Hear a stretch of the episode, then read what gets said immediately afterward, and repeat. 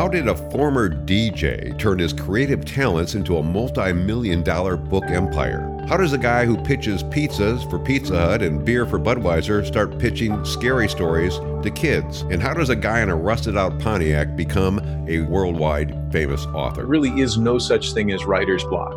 You know, if you think you suffer from writer's block, you're lazy. That's all there is to it. You have to sit down and you have to write. Welcome to Brand Camp.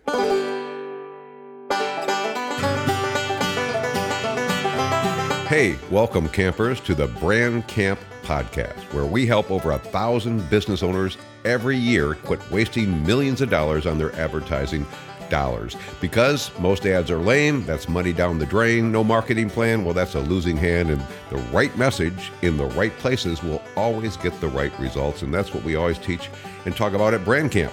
So, thanks for joining us for our Brand Camp series called The Masters of the Business Universe, where you get to meet a person with skills, talent, and a dream and turn that into a million dollar enterprise over and over again. Today, our guest is famed children's author Johnathan Rand, who's written over well over 100 novels in the American Chillers series. So let's join in today's conversation. Thanks for joining us with Brand Camp today in the Masters of the Business Universe series. And our guest today is the famed children's author Johnathan Rand, writer of over at least I'm losing count. It's got to be 40 books. The how many books have you written, John? Yeah, it's actually uh, it's uh, it's 110 now. So well, I missed it missed it by a mile. 110 uh, horror novels, all of them. Yeah, and I had uh, actually one of my it was one of my staff members that brought that to my attention because people have been asking me how many books have you written, and I don't have an answer for them because I just I forgot. And uh, Grant uh, took the, his own liberty one day and counted them all out. So um, yeah, 110, and most of them are you know like of that uh, the scary type book nature. I've got seven or eight for adults, uh, but most of them are for uh, for young adults and kids. I, I was look, going to doing research. I was just amazed at how the depth and breadth of your work now with the American Chiller series, and you got the Michigan Chillers, and of course some of the other. I remember. I think one of the first books had to be uh, the Saint Helena, wasn't it? Exactly. Um, it was an actual. It was an audio book. In fact, the corporation uh, that was formed in 1997 was was called Audiocraft Publishing Incorporated, which is the, still the name that uh, we use today. Um, but at the time, I had no intention of of uh, going into you know traditional print media. I was going to start this audiobook company, and one thing led to another, and we took that audiobook and I turned it into a novel, and then uh, continued on from there. Yeah, well, let's go back a little bit. I mean, maybe the first question is how does a former DJ from uh, Gaylord, Michigan, turn his creative talents into a multi million dollar book empire in northern Michigan in the middle of nowhere? Well, uh, you know, I, I was I got into radio shortly after I was going to college um, for natural resources technology. Um, um, that was a pretty tough week. Um, but I decided to release myself kind of on my own reconnaissance because I just wasn't really I wasn't really applying myself. But the interesting thing, of course, is that I quickly ran out of money and I found a job as a DJ at a radio station. But the in, in talking with my, my, general manager who'd hired me at the time, Bob Greenwood, um, he he essentially hired me because I could read well and I could write well, and I'm just this punk 18 year old kid. But now, what year was this? This was 1983. I knew it well. 19. Okay. Yeah, so I'd been out of high school for about a year, and uh, you know, and, and like I said, I'd started college that fall. Things weren't going really well, and and he hired, and I, would always loved to read. I've always loved to write stories. Never really, you know, thought about being an author or anything of the sort, but just thought that uh, you know this radio gig would be pretty cool. But I fell in love with one aspect of the radio broadcasting industry, and that is writing and producing radio commercials. And I I quickly found out that you know if you can do a commercial that's different, something that gets attention um, you know it's going to be successful for the advertiser then there there's something that i could really build a business on. And whereas a lot of my friends in the in the broadcast industry everybody wanted to go to bigger radio stations they wanted their morning show they wanted to you know do and kind of be more in that in the limelight um, i really wanted to uh, spend my talents in the production studio and, and making radio commercials. And and I also thought too, this is an, a doorway for me to to earn a much better living as well. And I could,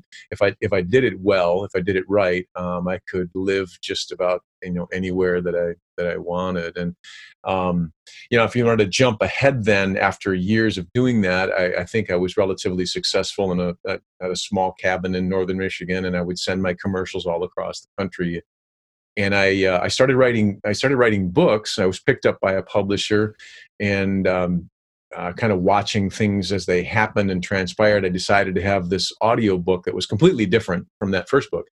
And I thought, well, this would be kind of cool. I've got this idea for this haunted lighthouse. I could write the uh, write the uh, story. I could produce it. I've got my own studio and I could do all of this. And I couldn't get any publishers interested. So I decided to do it myself, did it completely from the ground up. I wrote it, I narrated it, produced it, mastered it.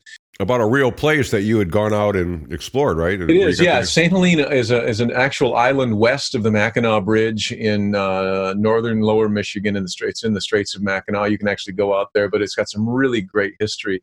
Very, very cool place um, and that's kind of what it was. It was just your basic, uh, I guess, haunted house, uh, lighthouse type story. So you were doing your ads for, and you know, some pretty big national account, but Pizza Hut, if I remember, 7-Eleven, Budweiser.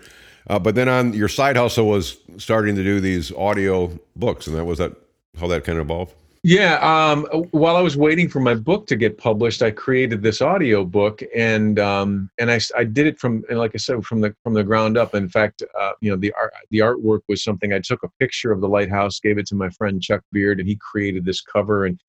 I duplicated. This was back in days of cassettes, where so I I, I made the cassettes right. myself, made labels for the cassettes, put it all together in a, in a little vinyl case. Of, um, with the artwork, uh, shrink wrapped it myself, and took it around with my wife. Um, or actually, at the time, we weren't quite married yet, but we went around and and put it in. Um, you know, and I, the the problem I initially had right away was was that we couldn't get bookstores interested in it, and uh, I knew that we were going to be dead in the water if I didn't do something. Well, in northern Michigan, we've got a big, huge tourist base. People come to northern Michigan um, for a lot of reasons. But they don't come to Northern Michigan to go to a bookstore. But they have to re, or excuse me, they have to uh, they have to get you know uh, they have to sleep, they have to eat, they have to put gas in their car. So we canvassed all of the the motels, the hotels, gas stations, and restaurants, and I would go in with this audio book and you know and say, hey, you know, would you give this a try? And you know, the first objection was, you know, well, we don't have any money, and I'm like, well, you know, I don't want any money right now. You know, we'll just do it on consignment. And then they'd say, well, we're not really a bookstore. And I'm like, this is this is exactly why I want to do this, is because you know I don't have any competition. And and it worked really great. And um, by the end of that summer, some of the bookstores that had pick, had picked it up did well with the audiobook, but they said a lot of customers had asked if there was a novel they wanted to read the book. So the next year, 1999, we came out with uh, that book as an as a novel version, as well as another book which is based in northern Michigan called Ferocity, and both of those did relatively well, very well uh, regionally in Michigan and, and throughout the Midwest. Um, and that while I was writing that second book called Ferocity, I got the idea for this series of books called Michigan Chillers.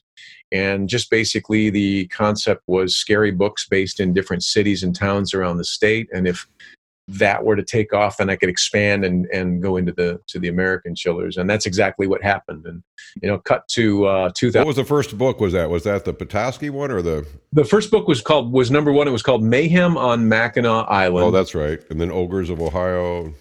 That was released in March. Yeah March of 2000 so we're at the 20th anniversary. And uh the 20th book in the Michigan Chillers series is set to release within a couple of months. So it's kind of a cool anniversary. 20th book in the 20th year in the year 2020. Scary, but I but I like it.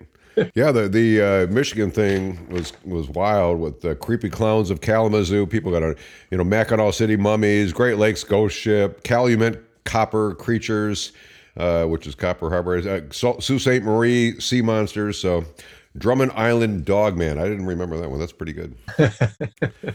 Awesome. So, how many books have you totally put out? What you guys have you ever counted? I mean, you got yeah, you've written that many, but how many books have you sold? Have you ever counted the? Yeah, just under seven million. Um, you know, and, and it's and it the thing that I'm, I'm I think I'm most proud of is the fact that we've really kind of circumvented the entire publishing industry.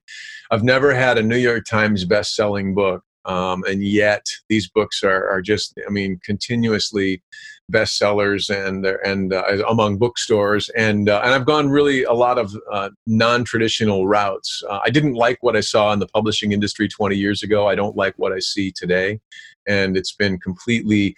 Um, you know, it's been completely my road, I guess. Uh, not to say that I haven't made uh, my my fair share of mistakes and uh, and learned some pretty hard lessons. But um, but for me, it's been a it's been a valuable uh, experience, and ultimately, I've been able to maintain control of the of the creative product, which has been really beneficial. And and uh, it seems like you you know you're such a business guy now. When I first met you, you were a lot more of the creative guy side. But let's spend a little time on that because yeah, you've been you've done an amazing job scaling your business. But I think a lot of people would be interested in like where do you find time to do this? Uh, how, where do you write? Maybe how, how, do you even get your scary ideas? Where where does all this come from, man? Yeah, well, um, I've really the, what's I really learned, the, uh, especially the last maybe eight or ten years, is that um, you know you have to plan for a lot of this. Whereas you know. Uh, you know, idealistically, you know, years ago, it was like I'm just going to let the muse take over, and I'll write when I want to write, and and it doesn't really work that way. I mean, it kind of does, but you know the problem is is that when you all of a sudden you have a business you're responsible for and and you've got product that you've got to you know you're responsible for on a consistent basis then things begin to change. So maybe that's the key word responsible. I mean i'm talking to a guy as i understand it who jumped on a hobie cat with a cooler and sailed 18 miles out into the middle of lake michigan and camped out for two weeks on the islands right? That's not maybe not responsible but it's going with the wind definitely. That's a wild so now you you grew up and, and added responsible to your list and unbelievable. So you, you're saying you plan now to write, or you plan these, or how, how? You know, I do, and that's one thing I think. If there's anything that's helped me, is that I've learned that um, you know you can't just simply do something when you feel like doing it. Um, I have to produce. So in most cases, and when I say most, I'm going to say five or six days a week. Um, the first thing that I do when I get up in the morning is I write. Um, I'm usually writing within five or ten minutes of waking. I get up at um, I mean, it's a, it's a, for me, it's pretty normal, but I get up. Whether there's something there or not, you just get down and you just start writing. I do. Yeah, exactly. And then once, once I begin to write, and I think it was, uh, I think it was William Faulkner who said something to the effect of, you know, sit down and write, you know, you, you know, the water you know doesn't turn on it doesn't come out of the, the spigot until you at least you know you start cranking the handle and uh, and that's so true so sometimes I, I just sit down and I write. I, I usually am working on something. You know, i have got several books going at a time, and I know that what I'm writing might really suck. It might really be bad. And that's the tough part because you've got to work through it. You've got to, you know, and pretty soon that that feeling begins to go away. And, you know, it might be five minutes later, it might be 30 minutes later, but all of a sudden you realize, hey, you know, I'm lost in this. I'm in the zone again. This is where I want to be. And and you keep working. And then of course you've got to go back and there's a lot of, you know, deleting and editing that, that goes that goes into that. But the process of of planning and executing that plan has become really important. Cool. I know I came to you for advice on a, one of the books I was writing a while back, and that was the best thing you ever said. Just keep going. Kind of when you're going through hell, keep going. and and uh, but it, you urged me on, and uh, ended up with a, a great book, thanks to you and some other people, obviously. Yeah, well, good 25 cities tired me out on the tour, but uh, it's, it's always it is an accomplishment, and there is that kind of secret handshake between people that have written books that they tend to help each other, and I appreciate all the help you gave me, Chris. Well, my well, pleasure. Well, where do you get these scary ideas from, though? I mean, okay, so you sit down. Do they just pop up every morning? Because it is I, the good authors I've talked to over the years. They have that discipline, and, and besides responsibility, is that discipline of just doing it every day uh, one of the guys I talked to recently, I mean, he blocks out all day Monday, half a day Tuesday, half day Wednesday, I believe, and then the rest of the time is for business, et cetera. But you know, he just doesn't violate those times when he sits down and and produces content. And I guess the way he'd look at it. But yeah, well, the, mine, mine, uh, because of the fact that I, I begin my writing so early in the morning, it, it, um, I'm able to be pretty rigid with my structure. I'm pretty busy during the day, and I know that if I wait for you know uh, to to do something later in the day, it's just not going to happen. Um, so I get my writing done really early in the morning, and the most important part for me, and this is what I try to stress to kids, and even I mean college students as well, is and I'm I'm very adamant about this, and there really is no such thing as writer's block. You know, if you think you suffer from writer's block, you're lazy. That's all there is to it. You have to sit down and you have to write. When I was making radio commercials, I learned this years ago. When I was making radio commercials, I didn't get paid when I made a radio commercial that was bad, or it, did, it might have been a great commercial, but it didn't sell to the client, which meant that I didn't get any money. So, in order to, you know, to make sure that I had money to pay the mortgage or the car payment next month, I had to perform, and I had to do this on a daily basis. And I learned that that that habit of you know it's like okay maybe this isn't very good but i've got to produce. And sooner or later you're going to find something that is going to be good. And the same goes now in a, in a daily basis with me for my writing. I might write a chapter two chapter three a couple thousand words that i might have to edit out later and i know that i'm going to edit it out later. But the important thing is is to get from point a to point b i've got to go through all that garbage in between. And if you can discipline yourself to do that if you understand that most of what you write write is not going to be very good, then you're it's you're going to be uh, it'll be a lot easier for you because then you give yourself permission to fail. And not everything that comes out of your out of your mouth not everything you type into your keyboard is going to be golden. You've really got to work at it. And you it's like a sculpture you know you've got that block and then you start carving away and chipping away. And finally you know the great masters will you know will tell you that they just keep looking at it until they got everything chipped away and you've got this perfect statue. And the same was the same is for writing. it seems like they, you always uh, the, the, good writers again always dismiss this idea. You know, wait for this brilliant idea to come to you. You just you got to block the time. You got to sit down and you got to do the work. Um, and, and, I think any artist, creative person. I, I, remember I heard recently or saw the Eagles story, and uh, before he died, uh, Glenn Frey would talk about how he lived underneath a guy named uh, I can't think of his name. You know, the uh, song "Running on Empty." Oh yeah, Jackson Browne. So he lived under Jackson Browne in the flat in, in, in California by the studio there, Geffen Studio, and uh, they were just new kids to the coast and stuff. And, and Jackson Browne was already kind of hit one of his big songs, but he said the tea kettle would go off at five thirty in the morning, and all of a sudden you'd hear the piano start plinking, and then it would stop, and then the tea kettle would go off. He'd have some more tea or coffee, and he says, and and so all of a sudden hit Glenn Frey. He goes, oh, so that elbow grease, hard work, diligence. I get it now. But that's when it kind of came on for Glenn Frey that wow, this isn't just creative by the seat of the pants, sail out in the middle of the ocean. It's this is planning hard. So you you've got the structure and you work at it, but you still I still got to ask you is where does the scary idea stuff come from though? So you're sitting down. Go ahead. Yeah, what I do is, and it's a little different because uh, what I do is I, I usually I do a little bit of homework ahead of time. I usually I, I pick a setting and then from that setting in the American Chillers or Michigan Chillers, it's you know the the, the titles are all uh, alliterative in nature. You know, virtual vampires of Vermont, mutant mammoths of Montana. Do, do, you come up with that title first before you even start writing, or yeah, exactly. I do. I come up with a title okay. that I think, oh, hey, now that sounds cool. Okay, terrible. Tra- tell me the story. Terrible tractors of Texas. So you got that title, the triple threat T. All right. So then where do you go from there? So what I do then is I think, okay, what's so terrible about these tractors and how did they get that way? What are what's the threat that they cause? How does this problem affect the main character? Who is the main character? Who is the you know who's the hero of the story? You know there's four elements of, of, a, of a fictional novel and if you don't have these four you don't even have a story. So what I, I go through is i think okay who's the hero? What does the hero want what's stopping them from getting it and what's at stake? What does that hero stand to lose? So you always keep that in mind and before i begin to write before i sit down and write chap- the beginning of chapter one or whatever i always jump to the end. I always think about okay here's this problem. How does my main character solve this this issue? How does so, so you start with what they have to lose and that's what you call the problem? Exactly. That's the isn't that the suspense as well that that the problem creates the suspense for the story as well Exactly. You know, and that's because and you and you need to this is where you want to make sure that you know you've got characters that are believable, characters that your reader cares about. You know, if they're if the reader doesn't care about the main character, um, then they're not going to care about the story, and they're they're really not going to care ab- about it. You know, about what they do in order to overcome this obstacle.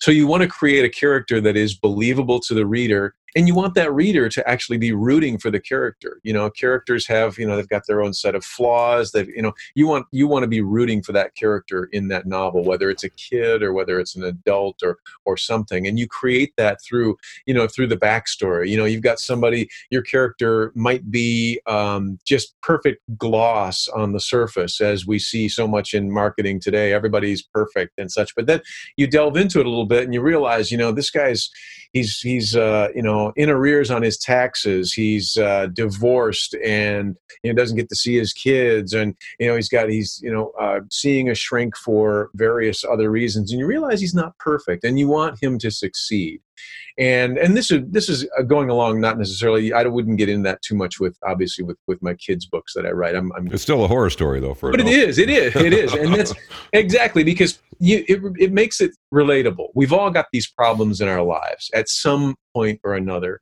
And when when you can make, create a character that is that is relatable and believable like that then your reader is more apt to care. And then you give them some some difficult circumstance and and help them or, or, or you know i mean the reader is is wanting to find out what's going to happen. How is this character going to behave? That's what people read for. That's what they go to the movies for. they want to watch the you don't you have a camp called story quest or something? Isn't it about the quest? Someone said like luke skywalker would just be luke skywalker and no one would pay attention if he didn't try and have this mission of trying to take down you know darth vader and the evil well, empire. Exactly Otherwise, they'd be bored and go away after two weeks of watching him living his dismal life there. Yeah, and and you know that's that's that is the endearing quality of this of this very unlikely hero. I mean, this this whole thing started with Star Wars and, and Luke Skywalker, and you know, here he was essentially a kid. He was this young guy, and up up against all odds, and everybody who went to see Star Wars was rooting for for this guy. And uh, man, if you can create that in your story, if you can create that on paper, that's what readers want. So if you say here, Luke is the sky, he's the hero. What does he want? He wants to stop the evil empire. What's stopping him? Darth Vader. What does he have to lose? Everything. So you, do you map it out like that before you start getting into the, the exactly? Right. Okay. Exactly. So there is a structure that way. With that, is that the four steps hero? What do they want? What's stopping them? What are they to lose? Yes, exactly. See, my thing is, what's what's the evil, wicked witch problem? What's the good witch solution? And what's the lollipops and unicorns? How are they going to feel when they get there? It's interesting that they all have similarities, and you know, but everyone's got a problem, and there's got to be suspense. It seems like, but there's still that special talent, that that that spark, that wordsmithing that takes it still to make it a bestseller, isn't it? I mean, can anyone sit down and just do that, or? Well, you know, I, I there's I would say, you know, in my heart of hearts, I would I would like to say yes, but I think people shoot themselves in the foot right off the bat by and they make this this fatal mistake. They read a book, they love it, they get to the end, and they go, "Wow, you know, that was easy to read. I could do that." and the, that fatal mistake is is thinking that it because it was easy to read and they really blew through this book they think that it was easy so i talk to people quite a bit. These people have they've never read a re, written a book in their life. Maybe they've read quite a few um, but they might be in their 30s or 40s and the only writing they do is emails back and forth and yet they decide they're going to sit down and write a book and i will do anything i can to, to you know to help them and you know wish them well and answer their questions but my my gut feeling is always after they're gone is like i, I kind of doubt it because i don't think they have a realistic idea of what it takes you know to write a book. I mean you know you know what it takes to you know to put that together and it's not something you can do in a weekend. And i mean you can't just sit down and say oh, i'm going to put together this book over a saturday or a sunday. It's in many instances it's a month long but it's a struggle. I mean, it's always been a struggle. Whether those radio ads or any kind. Of, if you, you know, if we, this is not video, thankfully, I mean, we can see each other. But uh, you know, I have giant dents in my forehead from something called a typewriter because because I did have something that doesn't exist, mental mental block. I get it all the time. But uh, you you're pristine. You got a nice looking forehead. You, how you didn't dent your head somehow? How did you get the thing going? You, I mean, you just you didn't smash it on the, this archaic thing called a typewriter or a computer, but man, you, have been able to sit down and generate this from from somewhere. I think you've always been a pretty creative guy, haven't you? I think so, and I think that started really early on in life. Um, with uh, I, I, was I was just looking at around what I what I had available, you know, as a, as a kid, five or six years old, I would go collect rocks and I would paint. I'd make bugs out of them. I'd paint them and I would sell them up at uptown, and uh, for twenty five cents or. There was your original model right there. Exactly. Yeah. really. And then I graduated from there. I went from from rocks to making these uh, fly tying to do because I lived on. I grew up on the AuSable River. I was a fly fisherman, and I I was phenomenally successful as a commercial fly tyer, and I it was very very creative. I, uh, and I would do you know using different things to create flies, very non-traditional um, materials to create my flies because I was this pretty much uh, at first I was you know I was kind of broke. I didn't have any money for fly tying materials so I was using fur from the family dog or you know f- uh, feathers from a dead animal and uh, you know turning something out of you know making something out of nothing and actually making it work catching fish and then selling these flies. And and the same thing I think with my you know when I started with uh, you know my book publishing is I had this idea for the audio book. I didn't know anything about I knew nothing about self-publishing whatsoever and didn't really have an interest in it. But audio was something that I knew and uh, and it fascinated me and I, I thought it would be not on, on top of being uh, you know fun I thought it might be something that could generate some money as well. And generate some money it did.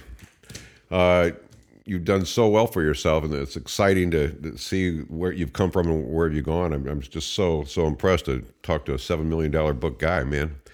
Um, what I was going to ask uh, or get into a little bit about this. What I thought was brilliant, and yeah, I think you've always had that that kind of talent. It seems to me. At one point, where you put your you could build furniture out of wood and ropes, basically, and make it look better than a lot of furniture stores. Uh, but to me, the business genius part of this was how you scaled this thing because you went non-traditional and maybe you can tell the folks a little bit about how you dominated Michigan and, and how anyone can get in front of a group of people from kindergartners to sixth grade and keep them entertained, fascinated, because you use your verbal skills to help promote your writing skills are all basically the same. But tell them that whole story because wasn't that the really how you scaled this thing so quickly and, and do the series kind of thing with the books? Yeah, well, what happened was is is I had started with that audiobook I'd mentioned, Saint Helene, and produced right. and produced the two novels, and I got the idea for the kids' books. And again, I was uh, delving into territory I really knew nothing about, um, but I thought, you know, you know, if this whole thing with Mayhem on Mackinac Island, which is the first book in the Michigan Chiller series, if that does take off, I can use this Michigan Chillers as a business model to take it across the country. And I, I pitched that to some publishers and uh, didn't get any interest. In fact, one publisher, a large publisher, said, you know, that's an interesting idea, but kids aren't reading books like that anymore. I was like, well, okay, you know, whatever. Um, and so I, I started this with the, with Mayhem on Mackinac Island the main characters, Tim and Sandy, have this wonderful fantasy adventure on Mackinac Island. And when they end, they've got it all wrapped up and the book is closing. Right near the end, they happen to meet another kid uh, by the name of, of, uh, of Matt Sorensen. And Matt Sorensen's from Traverse City. And he listens to their story as they're telling them about what happened on Mackinac Island. And he says, Well, you know, that's a great story, but man, wait till you find, wait till you hear what happened to me in Traverse City last week. And they're like, like, what? And uh, he says, Well, uh, sit down, I'll tell you all about it. And that starts the next book. Well, the first four chapters. Which was Terror Stalks Traverse City. Exactly, right? Terror Stalks. So that was your teaser campaign, kind of like at the end of the Star Wars for the next episode thing? Yeah, exactly. And what happened was kids got to the end of Mayhem on Mackinac Island. They were introduced to the new character. The, the first few chapters of Terror Stalks Traverse City are at the end of Mayhem on Mackinac Island. So in order for the kids to read the next book, they've got to go to the bookstore to find Terror Stalks Traverse City. And I did that, and I still do that with all of the books in the Michigan Chill. I didn't realize. So they're all connected. So the end of Traverse City eh, actually teased Poltergeist of Petoskey, then you're saying? You're exactly. So now, if a kid picked up Poltergeist of Petoskey, number three in the series, and they realize they missed something, do you find they go back and buy the previous books now too? Um, they do, but the but the the stories are completely standalone. So you can right. read Poltergeist of Petoskey, and and really not. You don't have to jump to number. You don't even have to go to number four if you don't want to. You can jump to number eight. You can jump back to number two. You What's the tendency though as you track this? Do they tend to go to the next number four and just? Do I think kids do? They really yeah, they they, they they all of a sudden and they want to get that next book and in fact sometimes the book isn't even published yet and um, the stores go nuts because you know their kids are all of a sudden calling or parents are going in there saying hey we got to get this next book and they're like hey it's not even published yet so I, you know, I remember growing up reading. My grandmother, uh, Mam from Milwaukee, encouraged me to uh, read the Tom Swift series, and I never during the summer, and which was science fiction, space stuff. Uh, and I was a child of the late '60s, and but I'll never forget that. It was the best, and it taught me to read, and it got my mind going. And, and really, you've got a kind of a horror version of Tom Swift because they're all because there's always Tom Swift, or I guess Andy Hardy. If you want to go back, there's been this series but you really have taken that concept with your creativity with the horror thing and come up with something like no other. I mean, you built a horror novel empire for children, basically. Well, the, yeah, and the cool thing about I think with the American chillers and the Michigan chillers is, especially, is it is it doesn't necessarily always have to be about horror. Like take number sixteen, Alien Androids Assault Arizona. There's a mm-hmm. lot of suspense and some horror in there, but it's essentially it's a lot of science fiction as well. Whereas, 51. uh, something. What's that? Area 51, you mean? Yeah, yeah. I delve into a little bit. It's more that that is more like your your typical spaceship type thing. But then okay. number 34, uh, Savage Dinosaurs of South Dakota is almost like a. It's kind of a science fiction type fantasy adventure. You know, I never turned over the page. I didn't see that. 41 state stories are. So the American chillers, you've done 41 of those or more than that? Alone? Actually, 43. 43 so, just so, came out earlier this year. Robotic okay. rodents ravage Rhode Island. Nice. What who what states left? What's next? Uh, number uh, next is Arkansas. I don't know if I want to hear that title, but I could tell you some. What what uh, what do you enjoy the most? I mean, you do that summer camp now for kids and adults, right? And teaching them how to write, and yeah. and uh, you've got some great advice. But if you're going to say two or three things that you always tell people, you've shared some of those things already. But not only that, but tell me why do you do what you do? Why do you like doing the live you still like the live performance obviously when they come but what kicks you get out of watching these kids grow and develop what is you know, one of the things lately that's happened is I see uh, kids that will come to me and they'll say, "Hey, I don't want you to feel old, but uh, you came to my elementary school all these years ago. I still have your books. In fact, this is my son or my daughter, and I brought him to meet you, and they love your books too. And we're getting a couple of new books to begin his or, or her collection. And I got to tell you, that was something that uh, it certainly wasn't planned. It certainly wasn't expected, and something I never thought about, but it's probably um, I mean, I get a lot of satisfaction out of everything I think that I do, but that has just been one of the most uh, um, rewarding aspects of this career is to to know that I've had a hand in, you know, in in helping someone develop a love of reading. And I I talk about that when I, I talk to kids, especially. I say, you know, you might not enjoy my books, you might not read my books. I'm fully aware of that, you know, but but if you go to the library, you go to the bookstore, I, I promise you, you will find something and and if we can get kids turned on to reading at an early age the earlier the better through picture books through uh, you know these short chapter books to bring them on you know they don't understand. At the time they're just thinking this is fun you know they're they're going on this adventure but they don't realize that that they're these these the seeds they're planting for success later on in life are really going to come to fruition because you're going to read no matter and more now more so than ever i mean reading is so important. And you know i talk to i talk about you know from a mutual friend of ours dell reynolds. Mm-hmm. um, i use him as an example when i talk to adults about uh, about books because dell doesn't like to read and uh, he'll tell me he said you know and you're not going to see him. He's not going to have the the newest legal thriller or the bestseller. You will never ever see him um, with a book like that.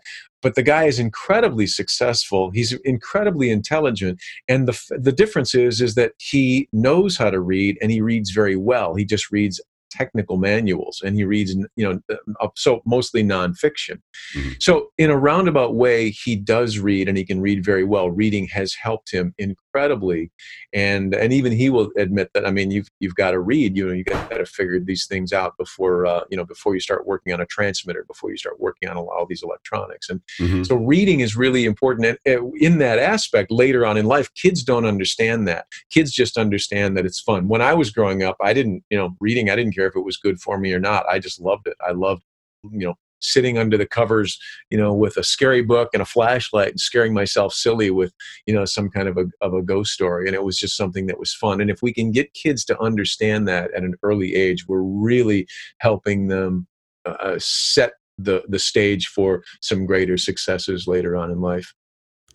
You know, it kind of occurred to me when we were talking here. When I was uh, growing up, I was the oldest of five kids, but my mom was a farm gal from northern Illinois, and uh, you know, you're in the middle of a farm and you don't have a lot to do when you're out there by yourself. Your next neighbor is probably two miles down the gravel road, you know. So she had her dog buttons and etc. But she had a vivid imagination, and uh, you know that comes from her environment. You had to come up with something in the middle of nowhere and just cornfields. But when I was, you know, mom, I'm bored growing up, she'd go, Hey, here's a stick, do this. You could do, you know, she gives me 15. Uh, and In other words, get your butt out the door and just experience life. And, but what I love about what you're doing, whether it was intentional or not, you know, in the age of computers, of kids' brains locking up and just sitting, it, it, this forces them to, to read, you know, and probably encourages their writing. The two most important skills I think anyone could have developing coming up is good communication, verbal and written skills. That'll take them so far. And no one wants to do that, but like you said, you're doing it because it's fun and you don't realize this is actually helping you get out of this computer locked in game mode or whatever that you and really get you to exercise your brain on your own to think and produce your own content. Uh, and what a what a beautiful way to do it and they don't even know they're doing. It. That's probably even better because, of course, you tell me or you when we were younger do this. That's the last thing we did. Yeah. But uh, you've made learning fun, and you didn't even realize it. That's pretty great. well, you know, for me, it was just I just wanted it to be fun for me. That's it. You know, yeah. I mean, I look at it and go, you know, I mean, I wasn't concerned about the educational aspect. It's like, what, what can this, how can this be enjoyable? How can this be fun? And it really was, and and that's what I talk about. You know, the writing when you when you get into that zone, when you just uh, everything goes away and you're just completely focused. And this is one of the reasons why there's not a single book that I've written, American Chillers or Michigan Chillers. You can't get them on your kin, you can't get them on, on, on an electronic reader.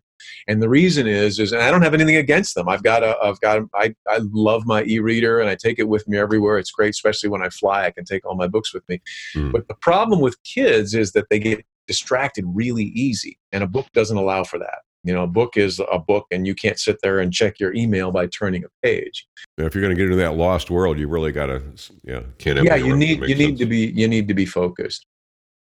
Love it. I love it. You know, I, I uh, back in northern Michigan now, in my later years, and I got to say, you can go anywhere in Michigan, certainly, and probably in the Midwest nation now. But I can just say, if you're here, Johnathan, oh, you know Johnathan Rand, and and if they had kids and they saw you, or I mean, you're you're like uh, you know Harry Potter to them. In fact, didn't you outsell Harry Potter one of the few years back? Yeah, for yeah for several years uh, running there uh, during the heyday of Harry Potter, it was uh, and it wasn't. I mean, not on a world you know, or even a national basis, but but in regionally in Michigan, the Michigan chillers and American chillers were just continued to be really really big sellers, and we would outsell uh, Harry Potter uh, routinely at a lot of the bookstores.